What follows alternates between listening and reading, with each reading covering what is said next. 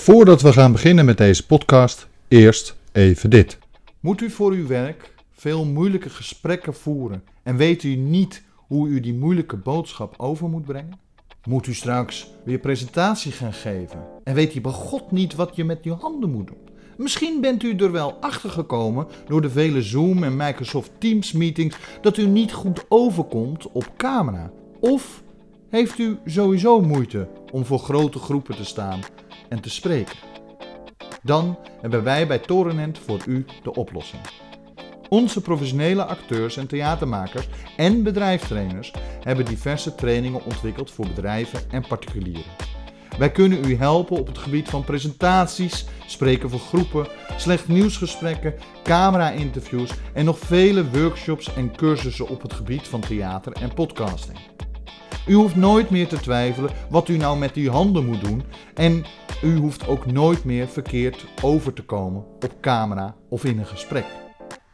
Kijk dus voor meer informatie op www.torenent.nl of neem direct contact op via trainingen.torenent.nl.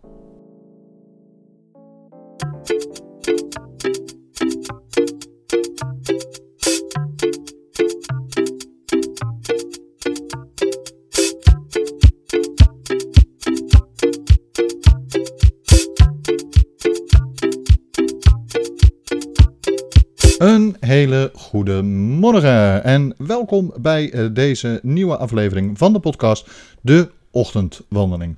Mijn naam is Bastiaan Toornent, ik ben theatermaker, acteur, podcaster en opiniemaker. Eh, maar ik ben met name een hondenliefhebber en eh, anders dan eh, normaal gesproken loop ik nu even niet in de duinen tijdens de opnames. eh, aangezien een van mijn honden ziek is, dus ik een wat kleiner rondje moest lopen. Ehm, het gaat goed komen met die hond. Ik ben al bij de dierenarts geweest. Eh, echter moet ik even wat rustiger aan eh, met haar doen. Ehm, en ik hoop dat eh, ik binnenkort weer opnames in de duinen kan maken. Ehm, ergens geeft het mezelf ook een kleine rustpauze voor mijn eigen benen. aangezien die me de laatste dagen ook een beetje in de steek hebben gelaten. Goed, deze podcast kunt u natuurlijk vinden op iTunes, Apple Podcast, Google Podcast en diverse andere podcastplatformen. Tevens kunt u de video van deze podcast vinden op ehm, eh, eh, YouTube, op ons YouTube-kanaal. Eh, abonneer u daar, like u daar. Of volg ons natuurlijk op onze Facebook-pagina, want daar komen ook de video's van de podcast. En wilt u nou alle informatie bij elkaar hebben, eh, kijk dan even op onze website www.torenent.nl. Goed, waar gaan we het vandaag over hebben? Nou, we gaan het niet hebben over de noodtulen. Alweer niet, nee. Waarom niet? Om een hele simpele eh, feit dat ehm, het Kamerdebat nog niet is geweest. Dat is morgen pas. Ehm, misschien ga ik er morgenochtend wel iets over zeggen. eh, maar in feite... ehm, nou ja, er is nog een hoop onduidelijk, ondanks dat de notulen eh, verduidelijking zou moeten geven. Ehm, wel hebben we natuurlijk al minister Koolmees gehad, die bij op één even gezeten heeft en eh, heel verbolgen deed, eh, alsof er niets fout was geweest aan zijn en slash andermans mensen gedrag in het kabinet. Ehm, ik moet heel eerlijk zeggen, ik vind het allemaal wat ongeloofwaardig. Goed, we zullen het donderdag gaan zien wat er gaat gebeuren in de Tweede Kamer. Dus laten we het ook voorlopig nog even bij donderdag houden en dus ook daar even laten. Waar gaan we het wel over hebben? We gaan het hebben over het Koningshuis. En waarom gaan we het vandaag over hebben? Nou ja, gisteren was het natuurlijk officieel Koningsdag. Een nationale vrijdag waarop wij normaal gesproken in normale tijden eh, groot feest vieren. Iedereen trekt eh, oranje aan. Eh, iedereen doet zo gek als een deur in de stad. Er zijn overal optredens van artiesten, of het nou lokaal of eh, ehm, nou ja, nationale artiesten zijn. Overal kan je ze wel vinden. Ehm, en ehm, de helft van de mensen is voor 12 uur al behoorlijk bezopen. Ik ben een groot liefhebber van koninginnen, of Koningsdag en vroeger ook het Koninginnedag. Ik was altijd als tiener en ook als student, maar ook zelfs nog later, uh, altijd te vinden in de stad. Um, Daarbij bedoel ik natuurlijk Amsterdam. Dat was uh, mijn woonplaats toen die tijd nog. Ik was altijd te vinden in de stad. Ik ging naar vele kleinere uh, pleintjes en dergelijke, omdat daar mijn inzien niet de grote nationale sterren kwamen, maar wel de, hoe heet het, de kleinere, leukere bands. Uh, soms waren het wel nationale sterren of uh, die zijn inmiddels nationale sterren geworden. Ik bedoel, ik heb nog een paar keer Chef Special zien spelen op een klein pleintje in Amsterdam. Um, terwijl nu zijn ze natuurlijk verreweg een van de grootste en beste bands van Nederland. Uh, althans, zo zijn ze uitgeroepen. En ze zijn nu bij iedereen populair. Nou, het gaat erom. Ik vond het altijd leuk al. En ik vind het nog steeds leuk. Um, ik ben nu met Koningsdag, uh, als het nou ja, drie jaar geleden dan minder dronken of minder snel dronken als dat ik vroeger was, aangezien ik een kind heb. Uh, en ik toch vind dat ik uh, altijd verantwoordelijk ben. Bovendien kan mijn kind alleen maar op mij rekenen. Dus vind ik dat ik toch wel een beetje nuchter moet zijn. Maar door de hele dag heen drink ik wel een biertje. En nou ja, geniet vooral van de gezelligheid. Ik vind ook altijd heel leuk dat de mensen Um, en met name ook de kinderen nog steeds op kleedjes zitten. Net zoals dat ik vroeger als kind heb gedaan. En spulletjes proberen te verkopen. Um, daarnaast kan ik uh, aanraden om soms een keer zo'n vrijmarkt over te, heen te gaan. Je moet wel een beetje weten waar je moet gaan kijken bij, op een vrijmarkt. Uh, zeker in Amsterdam is dat zo. Want dan kan je soms wel eens best wel dure uh, spullen, die normaal gesproken heel duur zijn, voor een schijntje kopen. Um, dat zijn bepaalde wijken waar je dan heen kan gaan. Um, dat uh, heb ik vroeger altijd gedaan. En uh, ik hoop ook echt dat het volgend jaar gewoon weer helemaal terugkomt. Net zoals el, uh, elk jaar. Want die traditie. Uh, ik ben nogal van het heilige huisje strappen en uh, tegen tradities ingaan of wat dan ook. Want ja, soms vind ik het. Tradities mogen van mijn part wel aangepast worden. Maar de traditie van Koningsdag, zo'n nationale feestdag waar iedereen gewoon even gek doet, de meest lelijke kleur uh, aantrekt. Tenminste, ik vind oranje, uh, dat soort felle oranje, echt verschrikkelijk lelijk. Uh, maar goed, op Oranjedag zie je mij ook, of op Koningsdag zie je mij ook met een hoed of met zo'n sjaal of met een t-shirt of... ik heb zelfs een keertje een volledig oranje pak aangehad. Um, ik vind het leuk. Het is gewoon een, een, een, nou ja, een nationaal feest. En het is best goed. We zijn al niet zo nationalistisch in Nederland. Uh, we hebben al niet vaak dat we uh, dat soort dingen doen. Nou ja, misschien is het wel goed dat we af en toe wel dat soort dingen doen. Gewoon een iets nationalistisch feest is helemaal niet erg. Uh, zeker niet als je nationalistisch bent, waarin je wel iedereen betrekt. Dus iedereen die hier woont, iedereen die hier uh, is gekomen, ook al zijn ze oorspronkelijk geen Nederlander, die mogen gewoon meedoen met Koningsdag. Want Willem-Alexander is koning van iedere Nederlander. Of hij nou bij geboorte Nederlander is geworden of later, dat maakt helemaal niks uit. Nou, en dat vind ik zelf schitterend. Maar ik ben tegen een koningshuis. En dat is een discrepantie. Dat weet ik. Ik ben daar niet consequent in. Want in principe, als ik tegen het Koningshuis zou zijn, zou ik ook tegen de Koningsdag moeten zijn. Uh, want ja, dat is natuurlijk een uiting van het instituut. Uh, de monarchie. Uh, maar ik ben tegen monarchieën. En daar heb ik meerdere redenen voor. Maar de eerste die ik als eerste noem, is dat ik vind dat het onmenselijk is. En dat zijn heel veel mensen die zeggen van, hè, hoe bedoel je dat? Maar ik vind het onmenselijk wat wij tot nu toe Willem-Alexander in principe aangedaan hebben. Hij heeft zijn hele leven lang uh, behoorlijk geprotesteerd tegen het protocol. Als, uh, zeker als tiener en ook nog als student zijnde. Hij eh, is achtervolgd door paparazzi door zijn hele leven lang al.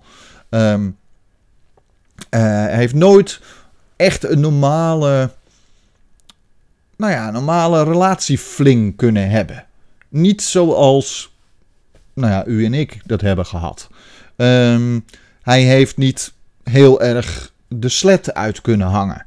En sommigen zeggen van ja, uh, nou ja, dat hoeft toch ook niet. Nou ja, ergens vind ik dat uh, ieder, of je nou van het Koningshuis bent of niet, ieder kind, iedere tiener, iedere student heeft het recht op, op, op zijn eigen leven te leren leiden. En, en eigenlijk heeft Willem-Alexander dat nooit gehad. Uh, zijn moeder heeft dat ook nooit gehad, maar ja, dat waren nog hele andere tijden. Uh, en nu, met Amalia, doen we niet anders.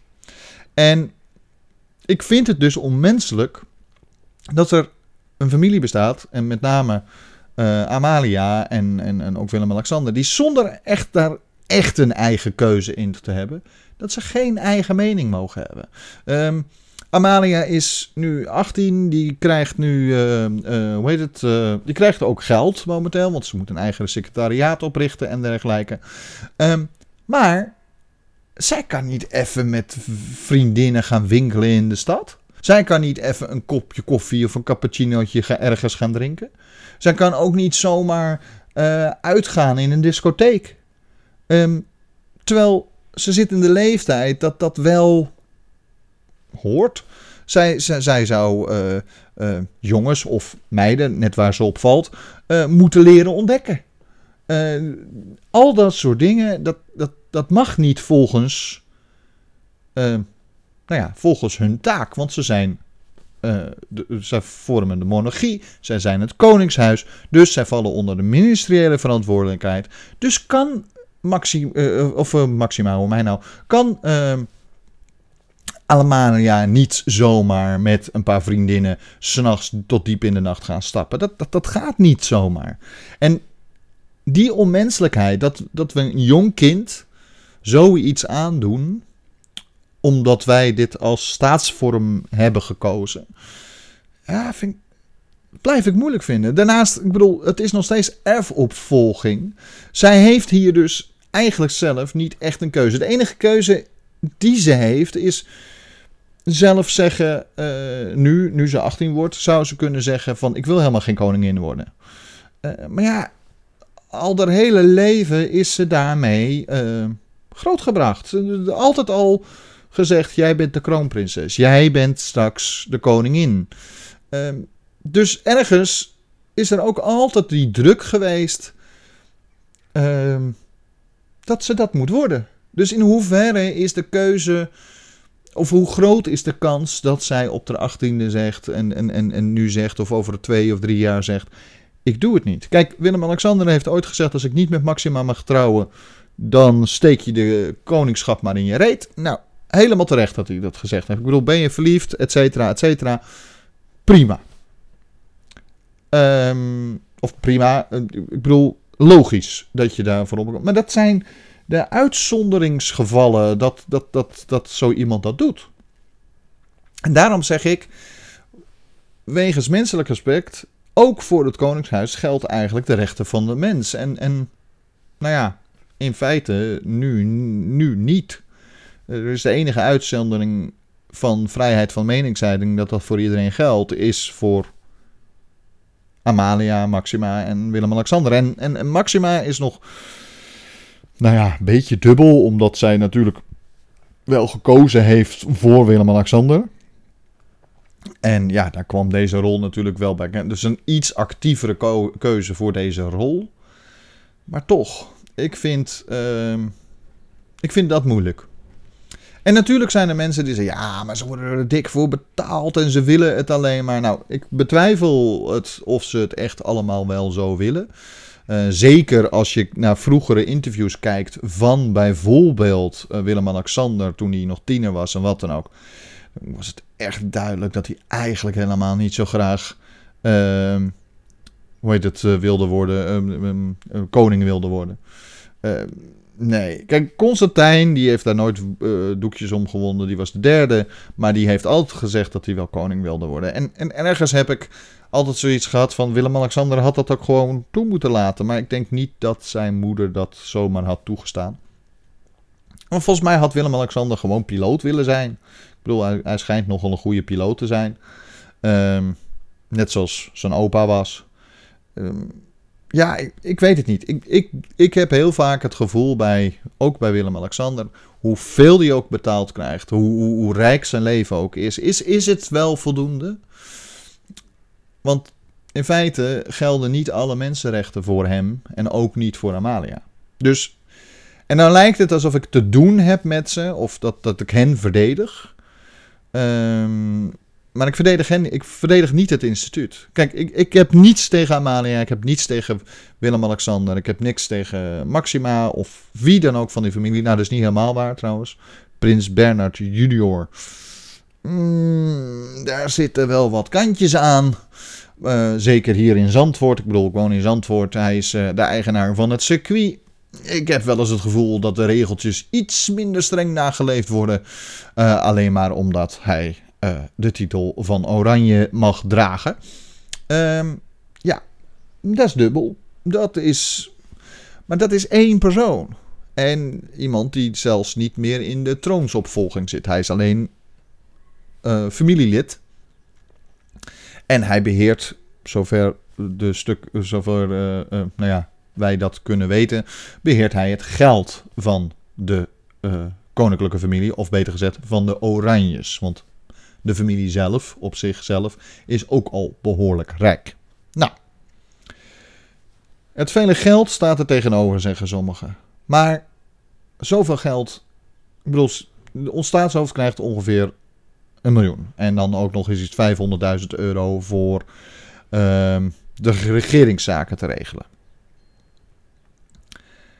Als jij de regeringszaken zelf moet regelen, wat op zich niet een probleem is. Maar als je de regeringszaken zelf moet regelen voor die 500 miljoen, of uh, 500.000, en je hebt anderhalf miljoen zelf te besteden, zeggen heel veel, wauw, maar daar moet hij wel zijn gewone hofhouding van betalen. Daar moet hij al het personeel van betalen. Daar moet hij zelfs in privéomstandigheden, zoals het huis in, uh, in Griekenland, moet hij de beveiliging van betalen. Daarbij, hij geeft er alles voor op bedoel, hij, heeft niet normaal kunnen trouwen. Hij, heeft niet, hij kan niet uh, gewoon zijn mening geven. Hij kan niet eventjes normaal gaan skiën. Alles moet van tevoren vastgelegd worden. Hij mag niet zomaar zijn mond open doen. Hij mag geen mening hebben, et cetera. Amalia, als die straks uh, studenten is en ze, is bijvoorbeeld een, een, voorvechter van klimaat, tegen het klimaatverandering. En, en, en er is onder studenten een protest in Den Haag tegen, uh, hoe heet het? Tegen, tegen het kabinet of wat dan ook. Dan mag zij daar nooit aan meedoen. Ook al is het met eens, ze mag niet eens laten blijken dat ze het eens is met deze studenten. En dat soort dingen, ja, dan kan je nog zoveel geld krijgen. Uh, ik vraag me af of dat nou werkelijk, werkelijk, uh, nou ja, in verhouding staat. Goed, wat ik nog meer vind over het Koningshuis of over de monarchie en waarom ik vind uh, en hoe ik het vind dat we het moeten veranderen, vertel ik u zo na dit. Hallo, mijn naam is Bastiaan Toornent en dit is Uit de Schulden, de weg van de meeste weerstand. In deze verhalende podcast vertel ik over hoe ik uit de problematische schulden wist te komen ondanks de vele vooroordelen, onbegrijpelijke bureaucratische processen en het misdadige overheidsbeleid waar ik tegenaan liep. De podcast en het achterliggende project moeten verandering bewerkstelligen in de vele problemen waar mensen in de schulden tegenaan lopen. U kunt zich abonneren op deze podcast via Spotify, iTunes, Google Podcast en vele andere podcastplatformen. Ik wens u alvast heel veel luisterplezier. Wilt u nou meer informatie over het hele project Uit de Schulden of de podcast Uit de Schulden? Of wilt u vriend van de show worden door een eenmalige donatie te doen? Kijk dan even op onze website www.torenent.nl. Uh, u kunt zich daar ook uh, vanaf morgen als vrijwilliger aanmelden. Uh, en Samen met vrijwilligers gaan we namelijk proberen acties te voeren en ook mensen direct te helpen die in de problematische schulden zitten. En zeker mensen die uh, niet goed om kunnen gaan met de stress van schulden. Want er komt aardig wat bij kijken en we willen werkelijk wat gaan veranderen. Goed, dus kijken op www.torenent.nl en geef u op als vrijwilliger of doe een eenmalige donatie en word zo vriend van de show. Goed, terug naar het onderwerp. Veel mensen vinden, uh, hebben iets tegen uh, de Oranjes zelf. Nou, dat vind ik altijd een beetje raar. Want uh, goed, je kan tegen Bernard Junior zijn. Dat is nogal een vastgoedmagnaat geworden. Um, is ook, schijnt de beheerder te zijn van de gelden van de familie. voor mij mag je tegen hem zijn. En, natuurlijk zullen dingen gebeuren, misschien wel gebeuren die niet altijd helemaal koosjes zijn. Maar wat heeft Willem-Alexander daar nou mee te maken? Uh, in mijn ogen, zolang daar ook geen bewijzen voor zijn, niets. Uh, daar heeft hij niks mee te maken. En, en, en, en Amalia al helemaal niet. Dan zijn er ook mensen die zeggen: ja, het Koningshuis kost te veel geld. Nou, ik vind ook dat ze minder mogen krijgen. Uh, heel eerlijk, gewoon puur omdat het veel geld kost. Maar ik vind sowieso dat het systeem moet veranderen.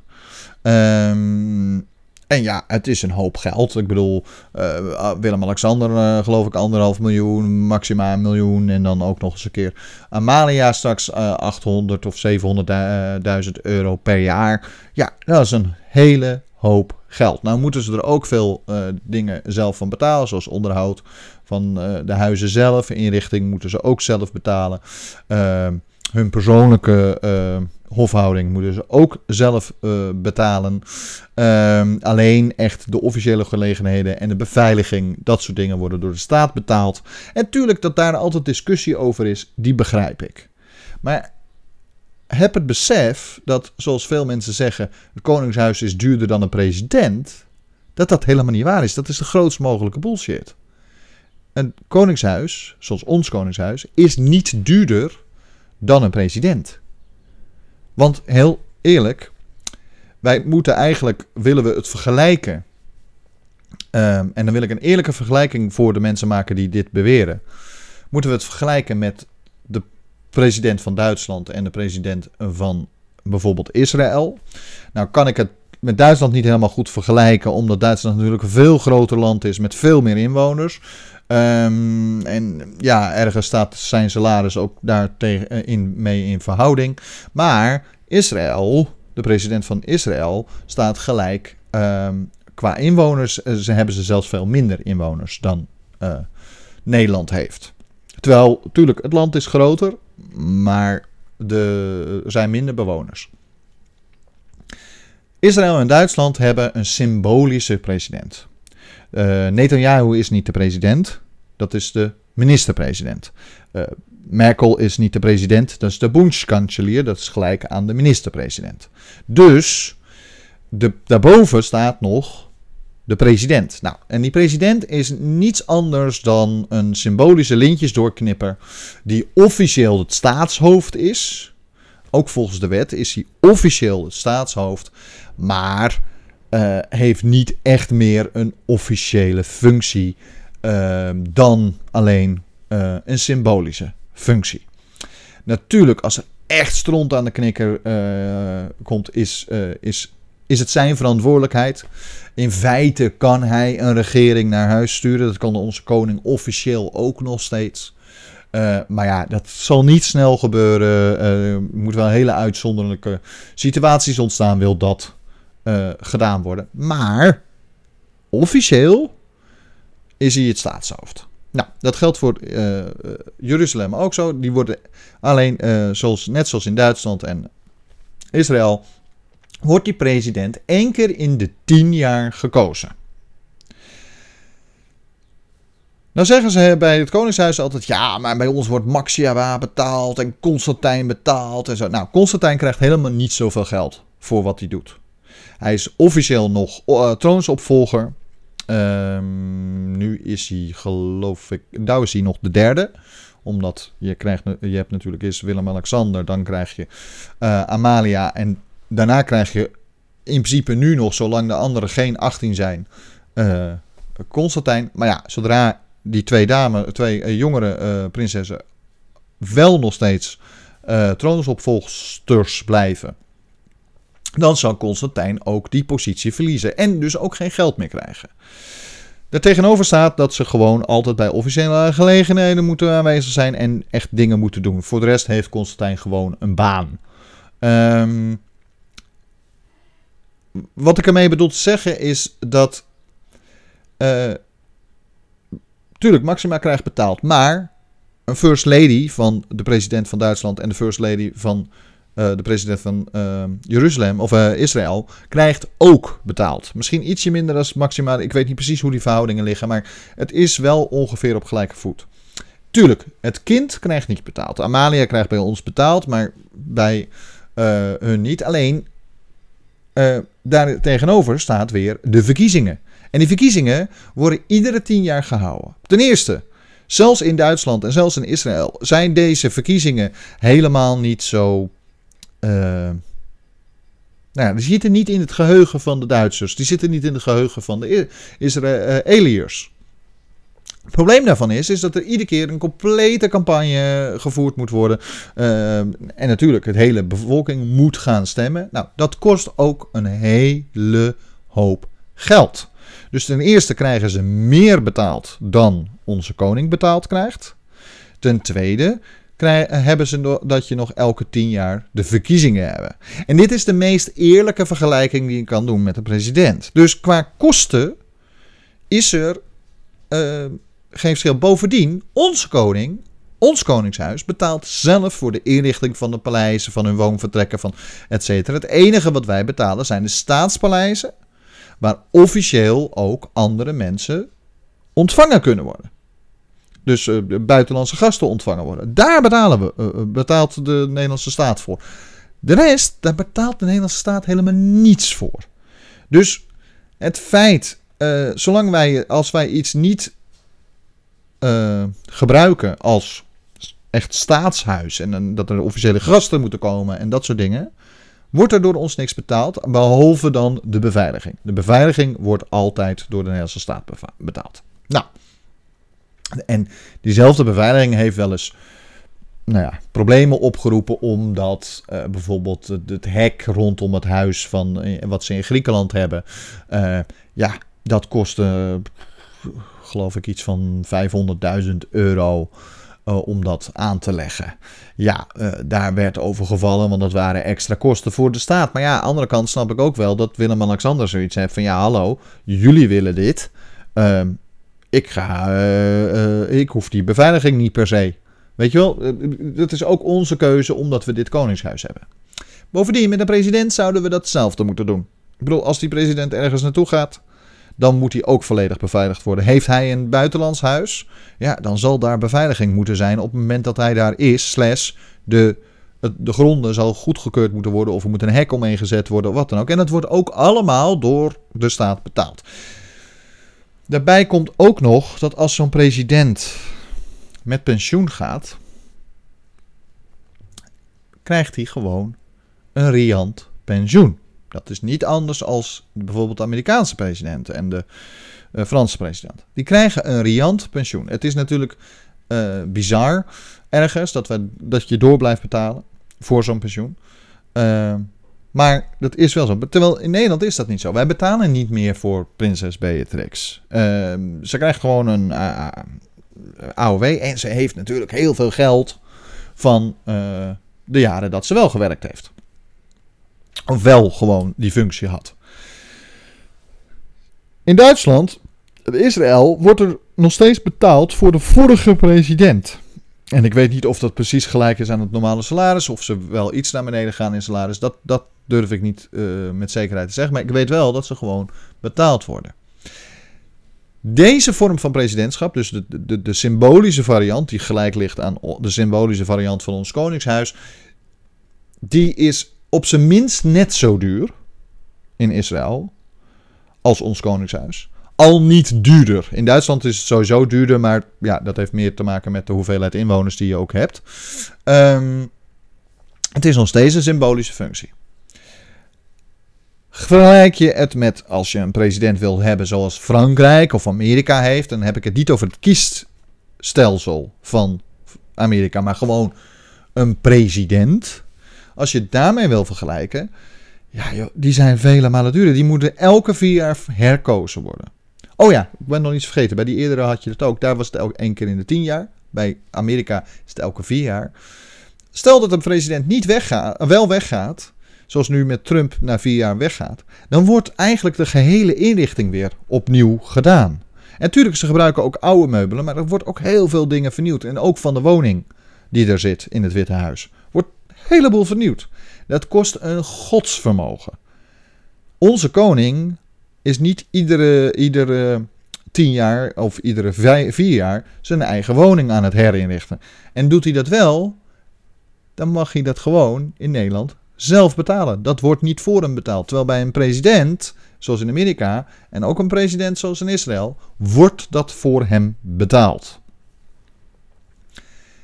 Het grootste probleem van dit is uh, dat, uh, dat de misvatting dat het Koningshuis goed, uh, duurder is dan een president, dat is de grootste misvatting. Want de president zoals in Amerika, ook al zou je dat alleen voor het kleine landje Nederland doen, is vele malen duurder. Die gaat niet uh, 200.000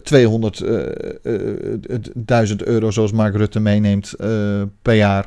Uh, hoe heet het? Accepteren. Nee, dan ben je president, dan ben je echt het staatshoofd. Dus dan zal je een hoger salaris. En ook al zou je het een lager salaris houden. Je moet iedere vier jaar, hou er even rekening mee. Wij hebben nu tien jaar Rutte zitten en dat is lang. Maar stel nou dat je uh, elke vier of elke acht jaar uh, verandering hebt. Uh, of dan, dan moet je elke acht jaar of elke vier jaar dat huis weer opnieuw inrichten. Opnieuw geverfd. Alles, alles moet opnieuw. En Bovendien blijf je nog steeds betalen voor die president daarvoor. Want hoe kan je nou een staatshoofd vervolgens voor een bank laten werken? Of een oud staatshoofd? Dat is het probleem. Een minister-president die kan heel makkelijk nog ergens anders gaan werken. Maar een president ergens anders laten werken, behalve dan in de politiek, is een heel stuk lastiger. En ook naar het buitenland toe staat dat een stuk lastiger. Daarom is het goed. Bovendien levert het Nederlands Koningshuis ook nog heel veel geld op. Uh, aangezien de, ze al zoveel goede contacten hebben, al jaren, jarenlang, en al die families en wat dan ook al jaren kennen. Uh, en dat zorgt ervoor dat bijvoorbeeld handelsbetrekkingen makkelijker gesloten worden. En nou lijk ik een pleitbezorger voor de monarchie, maar dat is dus absoluut niet zo, want deze podcast heet niets voor niets. Weg met de koning. En daarna leven de koning. Wat wil ik nou?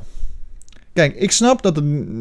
Ik geloof dat op het laatste pitje uh, was uh, het Koningshuis uh, in de afgelopen jaren, heb ik er dan ook.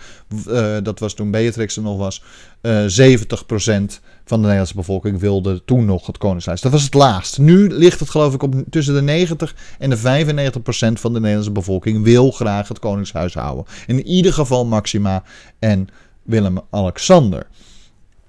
En als de bevolking dat wil, dan moeten we dat doen. Maar wat wil ik nou veranderen? Ik wil een verkiezing. Want ik ben een republikein. Ik vind dat wij een gekozen staatshoofd moeten hebben. En een gekozen staatshoofd is vrij simpel. Als wij een gekozen uh, staatshoofd hebben, dan, uh, dan, dan, dan is het uh, democratisch. Bovendien kunnen we dan ook niet meer zeuren over het feit dat het Koningshuis zoveel geld kost. Nee, want wij hebben ervoor gekozen voor een x aantal jaar. Dus mijn voorstel is gewoon, joh, hou één keer in de tien jaar een referendum. Voorlopig zullen er niks veranderen met de situatie die er nu is. Elke tien jaar een referendum houden of we het Koningshuis nog willen hebben, of dat we langzamerhand over willen gaan naar een presidentschap of een echte republiek. Joh, zo gek vind ik dat niet. Ik denk zelfs dat het Koningshuis zelf er nog niet eens zo tegen op is. En dan hebben we toch gekozen. En natuurlijk, je zal zien dat er waarschijnlijk 90%, of als het even slechter weer het nieuws is, 80% van de Nederlandse bevolking nog steeds gewoon op datzelfde Koningshuis stemt. Nog steeds uh, deze mensen uh, op die plek willen zetten. Maar dan hebben we er wel voor gekozen. Dus het enige wat ik wil veranderen. Ik hoef niet per se een presidentschap zoals Israël. En als we wel naar een presidentschap gaan, dan hoop ik dat we de symbolische variant doen. Zoals um, Israël en Duitsland hebben. Want één persoon alle macht geven. Uh, vind ik geen goed idee. En zeker niet als je kijkt naar bijvoorbeeld Macron of naar bijvoorbeeld uh, helemaal naar Amerika. Joh, dat systeem ehm, waar de president alles bijna bepaalt en het hele kabinet bepaalt. En dan krijg je altijd weer een tegenbeweging vlak daarna. Uh, of mensen stemmen niet met elkaar in, et cetera. Het werkt niet. Het, uh, het parlementaire uh, democratie zoals wij die hebben. En wij hebben dan een parlementaire monarchie. Maar dan krijg je echt een parlementaire democratie. Ehm, dan zou ik. Dat, dat, daar ben ik helemaal voor. Zorg ervoor dat je dit systeem zoals we het nu hebben eigenlijk houdt. Alleen je maakt dan een president, maakt van de koning een president. En zolang we dat niet doen, blijf ik ageren tegen het feit dat we een koningshuis hebben. Dus ik ben niet tegen deze koning, ik ben niet tegen Willem-Alexander. Ik bedoel, ik mag, we mogen blij zijn dat de Oranjes het op zich zo goed doen. Ondanks eh, de schandaaltjes hier, schandaaltjes daar. Op zich mogen we heel blij zijn dat ze het zo goed doen. Maar we hebben ze niet gekozen. En dan zeggen sommigen, ja, we hebben ooit gekozen voor een koning. Ja, dat was in toen de stadhouder eh, Willem VI, of de zoon van stadhouder Willem VI, koning Willem I werd. Dat is zo lang geleden. Dan hebben onze voorvoorouders gekozen voor het feit dat wij een koning hebben. Dat heb ik niet gedaan. Laat mij één keer in de tien jaar, of nou ja, als de koningshuis daar moeite mee doet, begin met één keer in de twintig jaar. Laat ons één keer in de zoveel tijd een referendum. Niet raadgevend referendum, nee, een uh, wetgevend referendum. Uh, een bindend referendum. Waarin wij als, als, als, als bevolking kiezen: willen we nog de monarchie houden? Of niet? Daarmee wordt de monarchie natuurlijk automatisch wel een beetje een soort van presidentschap. Want dan is Willem-Alexander gewoon president. Eigenlijk. Alleen omdat je nog steeds elf erfopvolging hebt. Amalia wordt dan gewoon het volgende staatshoofd. Um, en we hebben ervoor gekozen. Dan hebben wij ervoor gekozen. Plus, wij dan ook verantwoordelijkheid nemen. Want dat vind ik wel. Dat wij Amalia dit aandoen. En als zij zegt: Ik wil het niet. Dan is dat makkelijker als zij via een referendum heeft te horen gekregen dat ze wel weer, uh, dat ze het wel, kan ze iets makkelijker er ook zelf tegen nemen, want dan kan ze van bij voorbaat zeggen, joh, ik hoef het niet. Maar goed, dit is mijn mening over het Koningshuis. Ik bedoel, ik weet er een hele hoop mensen anders over denken. Uh, die willen gewoon de monarchie houden. Er zijn ook mensen die absoluut falikant, falikant tegen zijn. En ook de Oranjes het kwalijk nemen dat ze het zelf nog in stand houden. Nou ja, dat vind ik ook niet redelijk. Ik ben niet voor de koning. En toch leven onze koning. Dat is mijn mening. Mijn uh, gedachte hierover. Uh, ik hoop dat we volgend jaar weer gewoon een heerlijke Koningsdag hebben. Waar iedereen weer helemaal los, en, uh, los kan gaan. En dat we ooit een referendum krijgen over de monarchie, dan zal ik tegen de monarchie stemmen. Dat ben ik heel eerlijk in. Want ik ben gewoon een republikein in mijn hart en nieren. En dan republikeins niet zoals in Amerika. De conservatieve, uh, rechtsdenkende uh, republikein. Nee, republikein in het feit dat we, uh, ik voor een republiek ben. Voor gekozen staatshoofd. Maar ik verwacht niet dat de rest van Nederland zo stemt. Ik denk dat 95% of 90% toch echt voor de monarchie blijft kiezen. Omdat we ergens het sprookje ook graag omarmen. Nou, dit was het voor vandaag. Wat langere aflevering. Morgen ben ik er weer. Ik hoop morgen wel vanuit de duinen dat, dat het wat beter gaat met mijn hond. En dat mijn benen het ook weer trekken. En uh, nou ja, ik wens u nog een hele fijne Dag.